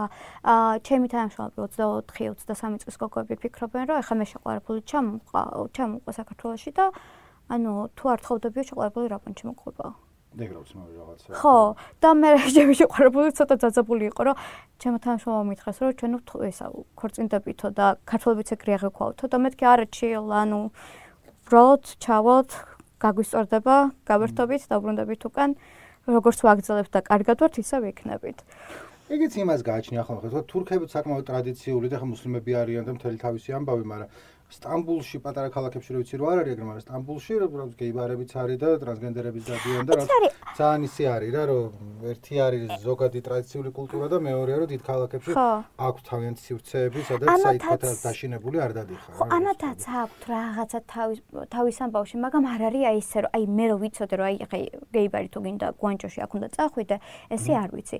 აა ჩემთან შემოზე ამბობენ ერთზე რომ გოგოები მოსწონსონ გოგო არის, მაგრამ ნუ არ ვიცი რა ეს ესე თამამად არავინ არ ლაპარაკობს. და ანუ არც ან ჩვენ სოციალურ ქსელშიც ესე არავინ არ ყვერეს, რომ აი რაღაცა და ამიტომ ანუ არ ჩანან, ჩემთვის ყოველ შემთხვევაში არ ჩანან. თუმცა წინა ქალაქში რო ცხოვრობდი, ერთი ტრანსგერდერი ქალი შემხვდა. ანუ აშკარად ტრანსგერდერი. გამიკვირდა და თან მომაწახე ლამაზი ხარ და მაგით უმახსოვს. და მეთქი მადლობა შენს. მაგრამ ძალიან გამიკვირდა, იმიტომ რომ ერთადერთი შემთხვევა იყო რომ ნახა. WeChat-ი ახსენე რამდენჯერ Facebook-ი არა გაქვთ ხო? არა, დაბლოკილია. დაბლოკილია. Facebook-ი, Instagram-ი, Thread რო გააკეთა მარკმა, Twitter-ი, რა გიტყვი? YouTube-ი, Spotify, ყველაფერი დაბლოკილია. Spotify-ი დაბლოკილია. ხო. მოსკასადოს მე. Was man? რა შეიძლება თავის ის რაღაცა არა. ხო. WeChat-ს რო WeChat მუსიკა. იქ რაც ჯავად, იქ რაც აი კი აი. Yandex Music შეგვიძლია QQ QQ Music აქვს. ეგ რა წავედი აი ესე ვარ მოწყვეტილი და VPN-ს VPN-ით შემოდივარ. ხო, YouTube-იც დაბლოკილია. თუ ყველა VPN-ს ის ხო, ალბათ თუ არა. არა, ჩინებს არ აინტერესებთ. ანუ ვინც ცოტა, იცი როგორ არის განსხვავდებია, განსხვავდებიან ეს ჩინებიც. თუ არასდროს არ დაუტოვებია ჩინეთი და ცოტა ანუ თან ოჯახს ძალიან დიდი მნიშვნელობა აქვს და ეგ ჩინები ზოგადად ოჯახზე არიან ძალიან დამოკიდებულები. აა თუ ესეთები არიან ცოტა რა ოჯახს არიან მიკეთლებულები და ჩენთი არასოს არ დაუტოვიათ, არც Facebook-ი იციან, არც VPN-ი იციან, საერთოდ არაფერი და ესე არიან. თუ ცოტა ისეთები ისეთები არიან, ვინც თუნდაც სადმე იმოგზაურა, ან თუ ისწავლა მით უმეტეს ჩინეთ ჩინეთს გარეთ ისინი ძალიან ადაპტირებულები არიან და ძალიან open minded არიან და ნუ იმათთან ძალიან მარტი. ჩემი ჩინელი მეგობრები ძირითადად ეგეთები არიან რა. ან უცხოელი შეყვარებულები ყავთ და იციან ცოტა ჩვენ რა მოგწონს და რა არ მოგწონს და ჩვენ მხარეს ან ჩვენ მხარეს რა ანუ awkward სიტუაციები არ გვაქვს რა. ანუ იციან რომ რაღაცა ჩვენთვის მიუღებელი არის. ან ჩვენ რაღაცას გავაკეთებთ, იციან რომ ჩვენ იმიტომ გავაკეთებთ რომ უცხოელები ვართ და არ იმიტომ რომ დებილები ვართ. აა მოდი მან ჩაგეკითხები რა არის ისეთი რაც თქო შენთვის ჩვეულებრივი საქციელი იყო და უცებ აღმოჩნდა რომ გამოსულა თუ არის რაღაცა ეგეთი აა კი პირველი პირველი დღეს მქონდა. პირველი დღეს რა ანუ დაახლოებით ერთი კვირა გაგრძელდა. რომ მივდიოდი სამსახურში მე ყოველს ვუღიმი და გამარჯობა როგორ ხარ ვეუბნები და შეიძლება შემოხვდნენ და კარგად და გაიხედებოდნენ და ვარ მეხვდი რა და მე ერთი კვირას მე რომ მეკითხები ეს გოგო რა ყოველდღე რატო გეკითხები როგორ ვართო და მეთქი ანუ განა მართლა მაინტერესებს სახში რა საკეთებ და ოჯახი როგორ ყავს. ანუ უბრალოდ რომ ანუ ვცდილობ რომ მეგობრული ვიყო თქო. და რა ვარ აღარ გაკეთო ანუ არ უნდა თავი დავდო ანუ ეგენი ამბობენ ანუ ჩვენთვის როგორც აი როგორ ხარ და სიამბულში პასუხი არ გაინტერესებს მაგათვის არის დღეს ჭამე აა ოკეი და შემოდა უთხრა კი კი ანუ მე ეგ თემაც მქონდა რომ მეკითხებოდნენ ჭამე და მე ვაუბნებოდი რომ იცი რა არის მე დიეტაზე ვარ და რაღაცა და მე მითხეს აი მყვები არ გვაინტერესებს რა თავი დაგვანებო გითხარ კი გაიარე ანუ ტერმინოლოგიური აღრევა უფრო იყო ვიდრე რაღაცა სხვა, არასწორ სიტყვას ამბობ. ხო, ხო. მეკითხო, მაგრამ ეს უნდა თქვა და რაღაცა სხვა. ხო. აი წყლის დალევა მაგალითად ჩვენ როს ყინულებიან სოთაგენიც ცხელ წყალს ოვენ სუ, მაგათვის ანუ თავით კივა კივა ცხელი წყალი დალია, ორსულად ხარ და არ გინდა ცხელი წყალი დალია. ყველაფერს ხო გულისხმობთ ცხელი წყალი ხო, ადუღებული წყალი და ის ხარ დალია. ხო. იცი თავიდან თქვი, ანუ რა რა დუღებული წყალი დალია რა არის? ანუ წამლად თვლიან რომ ცხელი წყალი დალიო. პირდაპირ მნიშვნელობით წყალი აადუხე ჩაასხე ჭიქაში დალიო. ეს არის წყდება ცხელი წყალი დალიო. კი, მე ხო აგვისტოში ჩავედი, 5 აგვისტოში, 6 აგვისტოში ჩავედი. მომიოდი სამსახურში მეთქი მწყურია თქო წყალი მომეცი თქო მომიტოს დუღდა წყალი შე აგვისტოარი თან იცი როგორ ცხელა იქ ანუ აქ ჩვენ ანუ თქვენ წუწუნებს 35 გრადუსზე ჩვენ ამ დროს იქ გვაქვს 39 და feels like 43 ან 44 და ფიზიკურად ვეღარ სუნთქავ ისე ცხელა მომიტანა დუღებული წყალი რომ მეთქი აუ არ ამას ვერ დავლებ თქო ცივი მინდა. თქო და მომიტანა თბილი. ეს არის ცივი ხო. და ანუ ყინულს ჩაისხო გიჟი ხარ სიუს რა გასმოს. ცუდად გახდები გეტყვია აა რა უცნაურია არ არ ვიცოდი მაგის შესახებ. აა კიდევ აი ცოტა ისეთი რაც არის, ოღონდ აი ყველგან შეგხვდება ეგ. აა გოგო და ბიჭი თუმლან შეყარებულები თუ სადმე მიდიან, გოგოს ჩანთა როგორც არ უნდა პატარა იყოს, აუცილებლად ბიჭს უჭირავს ხელში. ეგ რუსული პონტი იყო, ან ჩვენთანაც შემოდიოდა და ერთ შემოყავდა. მაგაზე, რომ აი რუსული კულტურის პონტიც იყო, რომ გოგო და ბიჭი თუ მოდიან, დროს სასაცილო ახლა რომ ბიჭს პატარა რაღაცა ხო პატარა სუმკა. სუმკა თუ რა ხელს ბიჭან테 ესე მოაქვს მოაცუნცულებს და ჩვენთან არის ყო გამბავი ანუ თქვა მძიმე მოაქვს დაუჭერს ხადია და თუ რაღაცა არა აი ეს მარტო ჩვენი ხო. პატარა ჩვენთან უჭირავს ამოიღოს თვითონ ხო ანუ ან თუ არ გჭირდება ნუ წამოიღებ ანუ თუ არ გინდა რომ ატარო და ანუ აღონ ეს მარტო ჩვენ ის არ არის რომ მარტო ქართულებს გვიკვირს ჩემ შეყვარებულსაც ძალიან რამდენჯერაც და ინახავს იმდენჯერ ასენ გიჟები არიან რასაკეთებენ არ არის შეყვ არ არის ქართული ხო ანუ იმას ქონდა პრობლემა. კულტურის ნაწილია ჩვენ სიტყვა რაღაცა.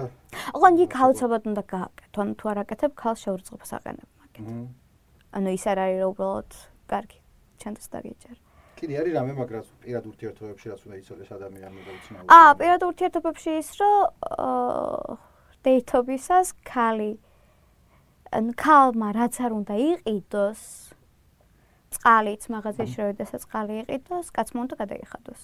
ანუ ესე ბილს გაუგზავნის და ის ფულს ურიცხავს უკან. რაც ჩვენთვის წარმოუდგენელი ხთ, ჩემ წყალი რომ მიდა ვიღაცას რატო ეთქურო წყალი მიყიდა თქო თუ მართლა გავიზ. ანუ რაღაც პონჩი ხა მესმის ეგა რომ თუ რას მარკეტში გოგო და ბიჭი და ისწავლიან და გადაიხდი რა არა არა ანუ ეს ბიჭი თავისთვის სახში ეს კომპიუტერულ თამაშებს თამაშობს ეს გოგო მაღაზიაში შევიდა მე გადა ჩაუ ანუ ეტყვის რომ წყალი ვიყიდე ორლარად და ის ჩაურიცხავს.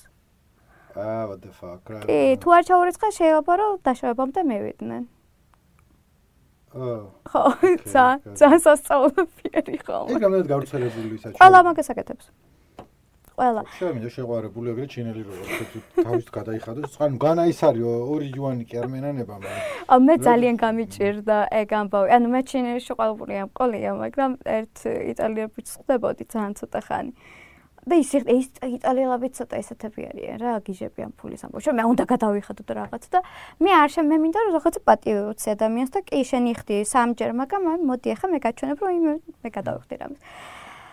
და ნუ ამ ბიჭმა თავი ქვაკ და თავი შეუშვა რა შანსი არ არისო და ნუ ჩინელთან მithumetas ვერ შევძლობდი რა ანუ თან გაგუჭი სხვადასხვა რამე ერთი არის თუ სადმე ყავა ავიღეთ შეიძლება დეითი კი არა просто მედაშენ დავსხედით და ყავას მირჩევნია რომ მე გადავიხადო მაგრამ თუ ვიღაცა შეყვარებული მყავს და იმან ყავადალია და მე გამომიგზავნებელი კარგად იყოს ხა რა ხო მაგრამ მათთვის ჩოლებრივი ამბავი აი ჩემი მეგობარი შეყვარებულს დაშორდა იმის გამო რომ ეს გოგო ბნებოდა რომ ეს ბეჭედი მომწონსო და მან არ შესთავაზა მე გიყიდიო ჩინელი შეყვარებული ხო? ხო. და მან ეჩხუბა რომ ანუ მე შენო გაჩვენაო ბეჭედიო და შენო არ მითხარიო რომ მე გიყედიო და ანუ პატიოს არ მცემო და დაშორდი. ეგ რა უცნაურია კიდე კულტურული თავისებურებები. რედიტზე ყვებოდა ერთი ტიპი რომელიც იყო ამერიკელი, ჩინელი რა ეთნიკურად, თუმცა ფესვები ქონდა ჩინეთში და მოკლედ ყვებოდა რომ სამშობლოში ვიყავი თუ ჩასულებიო და დედაჩემმა მითხრაო რომ იქო დეიდებიო ფულს მოგცემენო იცოდიო და არავითარ შემთხვევაში არ გამოართვაო. ამან კაიო, მაგრამ ხო გაიგეო და ნუ გავიგეო და რომ ჩავედიო დეიდა ჩემი მოვიდაო თუ რაღაც ბიცოლა ჩემი თუ ვიღაცა იქაური ჩინელი და აი ესე მტენი და კონვერტითო ფულსო და მე ვარ უარი ვთქვა და ბოლოს იმანა ტირილი დაიწყო რომ რამე არ მართმევ როგორო და ნუ ბოლოსო გამოვართვიო და საღამოსო დედა ჩემო დედის ტრაკის გინები გამიერა რომ ხო გითხარი არ გამოვართვი მე უხსნიდი რომ არ ვართმევდი მაგრამ ნუ იტირა ამისო რამე ქნაო და ლამუშა რომ მთელი თამაშის ნაწილია რომ უნდა შეტენოს და ამან უარი უნდა თქვას და რა ხო თვითონაც ჩინელი იყო ეს ბიჭი, მაგრამ მოკლედ ვერ მიხდა. ვერ გაიგო, ხო. ისებურება რომ რა რა უნდა ქნას იქ და რა. აქ აქვს კიდე კაცებს აქვს ეგრეს კაცების მიმართ სიგარეტზე. ანუ რო შემოგთავაზებს ეწევი არ ეწევი, არ ვეწევი არ მინდა, არ უნდა უთხოვ და გამოართვა აუცილებლად. და ოღონდ სიგარეტს ყველა გთავაზობს. ანუ ეს კაცი კაცზე. ხო. და უნდა გამოართვა აუცილებლად. ხო. ანუ აა და კიდევ ჭამა. პირის კლაცუნის ჭამენ. როგემრიელი. ხო, და პირს თუ არ ატკლაცუნებ, ესე კი არ მოგეწონა. ეგ მართლა ეგრევე, რა წაკითხული მაქვს ციგნებში და არა მართლა ეგრე. არა მართლა ეგრე. არა, ძალიან საშინლად ჭამენ. მე მაგას მაგის ძალიან თავიდან რო ჩავედი ძალიან. სხვა კლაპუნი ჭამდეს მე. თავიდან რო ჩავედი ძალიან თანახ წამადგინე. კაფეში ხო, აი ესე ჭამე. და თავიდან თან ხა მე სულ კაფეებში ვჭამ. და 20 კაცი პირს ატკლაცნებს და თავიდან ძალიან აი ესე ყუაი ტვინს მიხრიდა და ეხა იმდენად მივეჩვი რომ მე რაღაც მომენტში შემეშინდა რა იქნებ მეც ვაკეთებ უკვე. და თბილისში ჩავედა მე პირი არა ვატკლაც უნდა და შეფო ვერც მოვდა ხო იცი რაღაცა ისე ისე აიკიდებ ჩვენს და ვერც მოვდა უნდა ხინკალს როჭამ ხო თვითონ. აკეთებ რა და ცოტა თავი უნდა შეიკავო და თუ აღმოჩნდება რომ არ პირიქით ესე უნდა ქნა ხო და ნუ აი რაც უფრო კარგად აკაცნებ უფრო გემრიელი არიან და უფრო მოგეწონა ძალიან უცნაური. აი წი ძალიან ეხა ესე ეხა ესე კონკრეტულად ეს არ მახსოვს, მაგრამ ძალიან ბევრი ესეთი კულტურული ისინი. აქ რომ მე ესე შოკში ვარდები ხოლმე. ეგ არის კიდე აი თქვა რაღაცები ეს ნორმალური გაჩვენება ერთ კულტურაში და მე რა ამოშტობა რომ სხვა კულტურაში ეგრე არ არის. აი მაგის მაგალითად კითხულობდი რომ აა ნუ ჩინელებზე იყო თუ შეიძლება სხვა ქვეყანაზე ამერიკელები წერდნენ რომ და მომეტროში რო დგახარო ხალხი შეიძლება სრუტუნებდესო და არიხოცავენ ცხვირსო და არა და ნუ ამერიკელები როგორც ჩვენან ევროპელები მაგის საპირისპიროა რომ შეიძლება სურდო თუ აქ ეგრე ქნას და ნორმალურიან მაგათ კულტურაში შეიძლება აგა. აქეთ ხო ეგრე არ გააკეთო იმიტომ რომ რაღაცა ან ჩინელები მაგალითად აბოყინებენ ოღონდ კაციშვილი არ ეთქვის რომ რას აკეთებ ანუ მე ამერიკელებმა ციან ხოლმე და მძულდა. ხო ძალიან არა პრობლემა. თავი შეიკავე ყველა აბოყინებ ხანდახან რას აკეთებია მაგრამ და კიდევ რო ვინმე რო დააცემინებს თუ ეთყვი რომ ჯანმრთელობ ჩვენ როგორ ცნობობთ გამოდის რომ ანუ უზრდელობა არის არ უნდა შეიმჩნია ვინმე რო დააცემს, არ უნდა შეიმჩნიო. ვითომ აუ, რამდენჯერ გაიჭედებოდი მაგაზე პროკურატურის სქემა ხება რაღაცა ბლესიო და ხო, და ნუ მე რაღაცა კაი, აი რა საჭირო იყო აღნიშნე ხო. იცი, ბოლოსკენ კითხავ რომ რამდენად აი როცა თქვა კულტურულ შეცდომას დაუშვებ, რამდენად პრობლემაა ეგ, იმიტომ რომ როგორც წესი ხვდები რომ ადამიანები ხვდები რომ სხვა კულტურის წარმომადგენელი ხარ და შენ თქვა ვიღაცამ დააცემინა და უთხარი ბლესი როგორც არის ჩინურად თუ რა ვიცი ასე გაგიმარჯვე. ხო, ხო, ზუსტად მაგას ის ხო ხვდება რომ შენ შეურაცხყოფა კი არ გინდა მაგისტვის არამედ რაღაც შენ პონჩი მოსულა რომ ესე უთხრა. აი ზუსტად მაგაზე ლაპარაკობდი ახლა გუშინ რა ან მე ხა ჩინური ეს კი ვიცი, მაგრამ ისე კარგად არ ვიცი და განსაკუთრებით ეს დიალოგში რო ვიღაცას უნდა შევიდე ძალიან ბევრ შეცდომას უშვებ. აა მაგა და ძალებს დილაობით რომ ასე ენა ძალიან ბევრი ხანში შესული მეზობლი მყავს, რომ ჩემთან ერთად ასეინები ძაღლებს და მოკლედ ამ ხალხთან მეგობრობ, ანუ ძაღლების სერნობის პერიოდში. აა და ნუ ლიფჩი რო შემხვდებიან ისე ესე და არიან ხანში შესულები და ჩვენთან როგორც აი რო ანუ შენობით და ელაპარაკებით და თქვენობით, მაგათთანაც ესე არის ნი არის შენ და ნინ არის თქვენ. აღონ და ძალიან ესე ველაპარაკე. მაგათთვის იერარქიულად ძალიან დიდი მნიშვნელობა. ხო, და მე აუცილებლად უნდა უთხრა, მაგალითად ნიჰაო კი არა, გამარჯობა კი არა, ნინჰაო, ანუ აი გამარჯობათ. ეს და აა ეს უცებ ველაპარაკები მავიწყდება ხოლმე. და მე წინა დღეს ზუსტად მაგაზე ვლაპარაკობდი, რომ ალბათ მეთქი ხალხი ფიქრობს, რომ უზრდელი ვარ, მაგრამ ყველა ძალიან მე მეგობრება და მაინც მიცინიან და შემოდიან კომუნიკაციაში და იმაში და ალბათ თქო იციან რომ ანუ ნუ აი რაც შემიძლია ვცდილობ რა. და მაგას ვიცი ჩინელები ზოგადად ძალიან მეგობრულები არიან. აა და აი რაღაცებზე არ გამოგეკიდებიან რა აი თუ მართლა აი ბოდიში და ნაგავიარ ხარ პიროვნულად ესენი არ დაგიწყებენ რომ აი შენ ისე ისე იქ ისე რატო თქვი და აქ ესე რატო გააკეთე და რაღაც არა გაგიტარებენ ძა ნუ რა ვეცდილობ ხა მე წარმოვიდგინო სადაც სოფელში თუ ხარ ჩასული უცხო ჩინელი თქვა და ქართულად თულობ რომ დაელაპარაკო სულ რა შეჩემა რა გააკეთე თუ კიდე გაიცინებ ხო გაიცინებ ხო სერიოზულად და რაღაც მიგიღებენ ხო რა შეიძლება აკეთებ როგორც ჩვენ თქვი რა. და ყველაზე სასაცილო ის არის რომ ანუ ამ ჩინებს ავტომატურად ფიქრობენ რომ ჩვენ ჩინური არ უნდა ვიცოდეთ. მე არ მაქვს ძალიან კარგი ჩინური, მაგრამ იმ დონეზე რომ ტაქსის მძღოლს ავუხსნა რომ მარჯვენ შეუხვიოთ უმარცხო, მაგდენი შემიც ხელაფითაც და რაღაცა. მაინც ფიქრობენ რომ მე რასაც ვამბობ იქნება არასწორი. ჰმ. და იმის საპირისპიროს აკეთებენ, რასაც ვოვნები და იმ რატო? ხელითაც ხო განიშნე, რატო, რატო. მაგრამ ნუ ეს ერთი და ორი შემთხვევა არ არის მასიურად ეგრე ხდება ხოლმე რა. და ნუ ეგ არის რომ უბრალოდ ჩემმა შეყვარებულმა ძალიან კარგად იცის ჩინური. და არავინ ჩვენ არ დაროლაპარაკება, ანუ ავტომატურად ფიქრობენ რომ არის, არ ვიცით. და ეგრევე იწყებენ რომ დამტროლი ინგლისურით რაღაცებს ოღონდ ანუ მაგას მე ცუდი გაგებით არ არ ვიღებ. პირიქით ცდილობ რომ ჩვენ გაგვი გაგვიადვილონ რაღაცები, ხო, რომ ისე იყო მე გქონდა. მე კითხო რომ რაღაცა თქო კულტურულ განსხვავებებზე უცნაური რაც არის იმაზე ვილაპარაკეთ და ვიცი რომ უკან დაბრუნება გიხარ მოგენატრა. და რაც შეგიყვარდა ჩინეთი. რა არის პირველი რაღაცა სამი რაღაცა რაც გაგახსენდება, რაც რაც მოგენატრა ან რის გამოც დაგევასან აუ ნუ ჩემი ისინი უფრო პირადული არის მე იქ სამი ორი ძაღლი და კატა მელოდება ეგ უფრო ძალიან პირადული არის ჩინეთზე არ არის მაგრამ აი ესე მენაწერება მაგალითად ჩემი სამსახური ძალიან იმიტომ რომ ბავშვებთან მუშაობ. და ეს ჩინელი ბავშვები არიან არ ვიცი როგორ ახსნა ფაფიებს ვეძახი პატრა დლეკვები ვით არიან. და უზომო სიყვარული აქვს. და მე მყავდნენ ახლა ჩემმა ბავშვებმა დაამთავრა 5-6 წლისები იყვნენ და ძალიან საყვარლები არიან. უკვე ინგლისურს სწავლობენ? კი, გუსად ლაპარაკობდნენ, კითხულობდნენ. ციგნს გაუშვით ხოლმე და თიც ვაყოლობდი. ნუ რა თქმა უნდა, ჩემი დახმარებით რაღაცა კითხულობ. ეგენი უფრო თქვა შეძლებული ოჯახის ტიპები არიან, ვინც ბავშვობიდან ინგლისურს ასწავლიან თუ ჩვეულებრივი? არა, არა, ამათ ყველას აქვს. ანუ რაღაცა შეიძლება 3 მილიონიანი სახლი კონდეს მამამის. ანუ შეძლებული. ანუ თუ არ აქვს ფული, ეგეთ ბახში ვერ მიიყვანენ რა ბავშვს. ანუ ჩვენ ბაღში ვინც შეძლებული არ არის, იმიტომ სწავლობს, რომ ჩემი მასწავლებლის შვილი არის და იმას რაღაცა დისკაუნტები აქვს და რაღაც უღირს, მაგრამ იქვე ყავდეს ბავშვი. და დანარჩენი ძვირი არ საკმაოდ. რა აი აქ როგორც ღირს ძვირი კარგი კარგი კინდერგარტენ ბაღები. აუ იქიდან იქ ქართველი რო არავინ არ მყავს. ერთადერთი ჩემი ქართულის ქართულად რო ვილაპარაკო ერთადერთი საშუალება არის და ჩემი თუთა მიერეკავს. და რო ჩამოდი ცოტა რაღაცა სიტყვები არ მახსოვს და ტაქსის ძღოლმა მითხრა რომ რაღაცა უცებ რა თქმა უნდა არის რაღაცა და ტაქსის ძღოლმა მითხრა რომ გეტყობაო რომ ანუ ქართული აქცენტი არ გაქვს და ცოტა მეწყინა. გაველოდი ცოტა. ხო, ხო, ეგ შეიძლება პირებს ვატკლაცნებ და არ ვიცი ქართული ლაპარაკი დამავიწყდა. აქ კონტექსტში თუ რომ გაველურდი გაჩენილთი სარგულის ხოვდი რომ რაღაც შემთხვევით ეგრე არ გამოვიდეს არამედ როგორც საკუთარინას რომ მოწყობდი და ხო. უცეფის დაგემართება ხოლმე. ხო ცხოველები ვთქვით ბავშვები კიდე რა მოგენა ხო კიდე აუ აი ძალიან დიდი ბუდიში ყველასთან მართლა აი გულწრფელად მაგრამ იქაური ცხოვრების სტილი. როგორია რა? კომფორტული. აი რა პონჩი?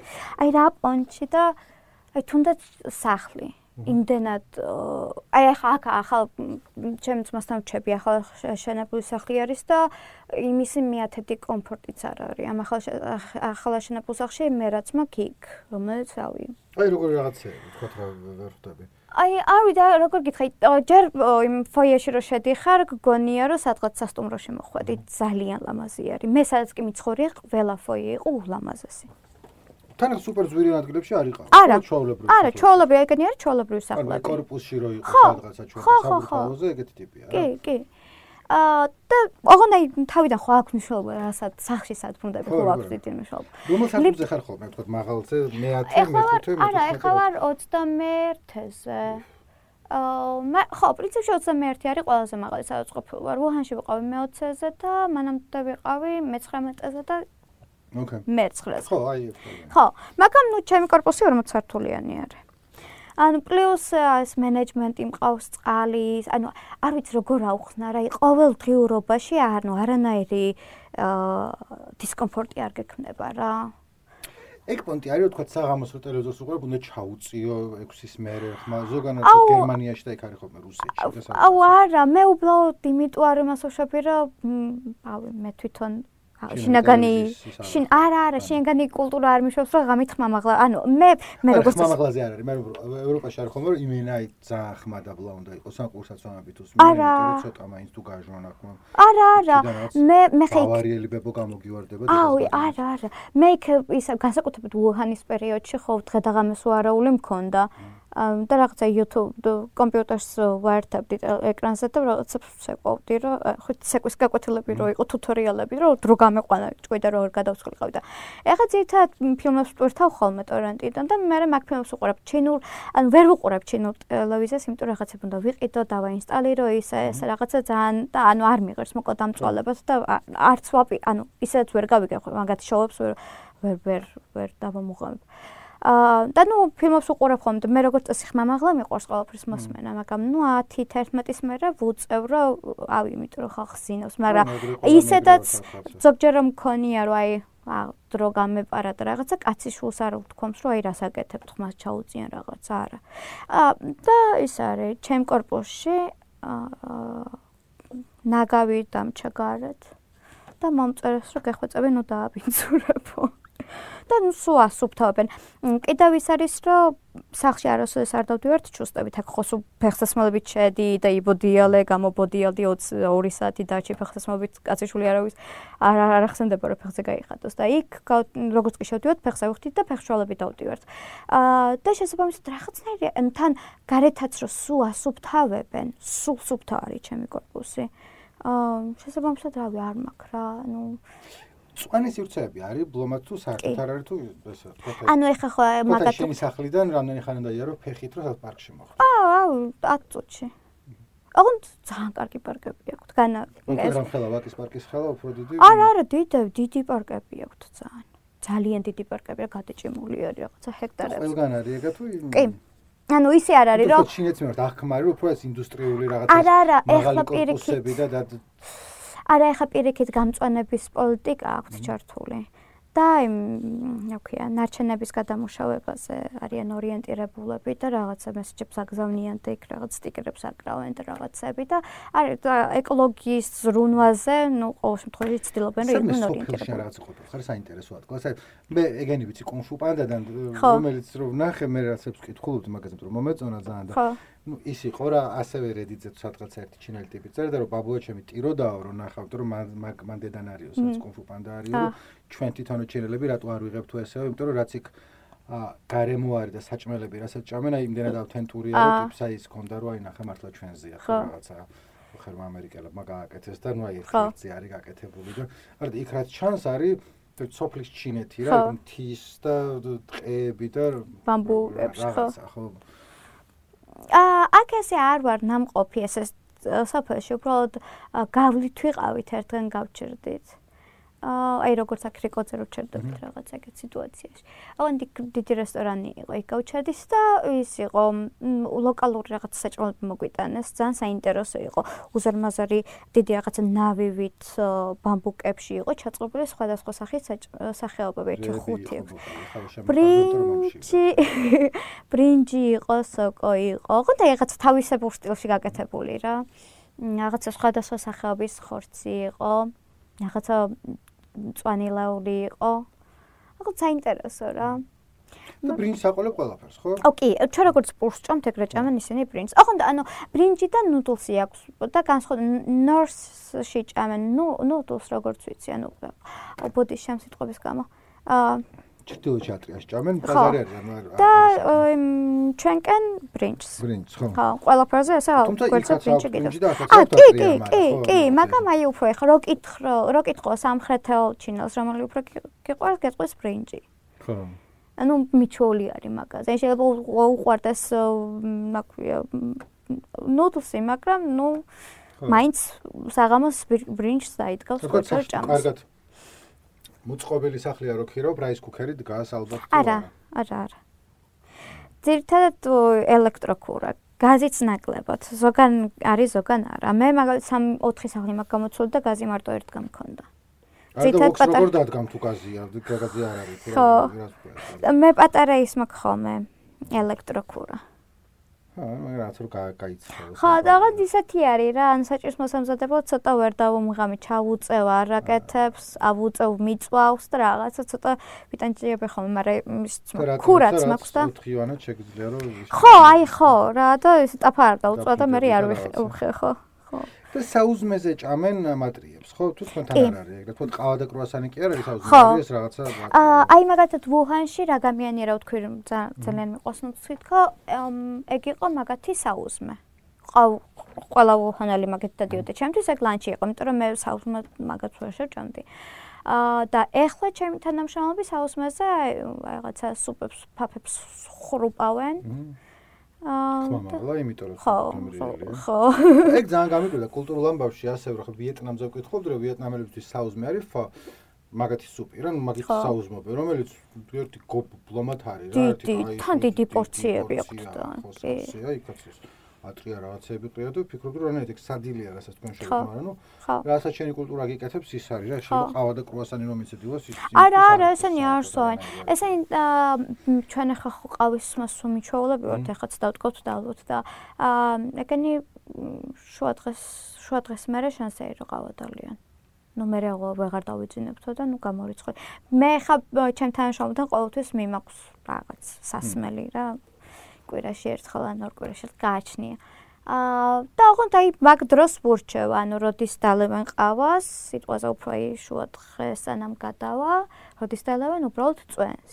რაღაცას დალევენ, რაღაცას არა. აი ეს არის. ხო, აღონდა ის მასიურად ანუ ეს ყავას არა არ დალევენ რა. ჩვენ რო ეს ნესკაფეს ჩავეყრით და ეგეთი მე არ მინახავს ვინმე ჩინოს აი გაეკეთებინოს. ხსნადი ყავა? ხო, არ. ხო. იყიდება და ღირს ავე 20 ბირი. და ტაუბოზე ვიწერ. ძალიან დიდი მადლობა. ბოლოსკენ გავედით კი არ მორჩი თამასობაში ბოლოსკენ გავედით ნახევარსაც წინ, მაგრამ მე კიდე რაღაც დეტალებზე მადლობა რომ მოხვედით, იმიტომ რომ ცოტა ხნით ახარ ჩამოსული და გამონახეთ დრო ჩვენთვის, ბედნიერი გზავრობა უკან და თუმცა მადლობა რომ ბოლომდე ისმენთ.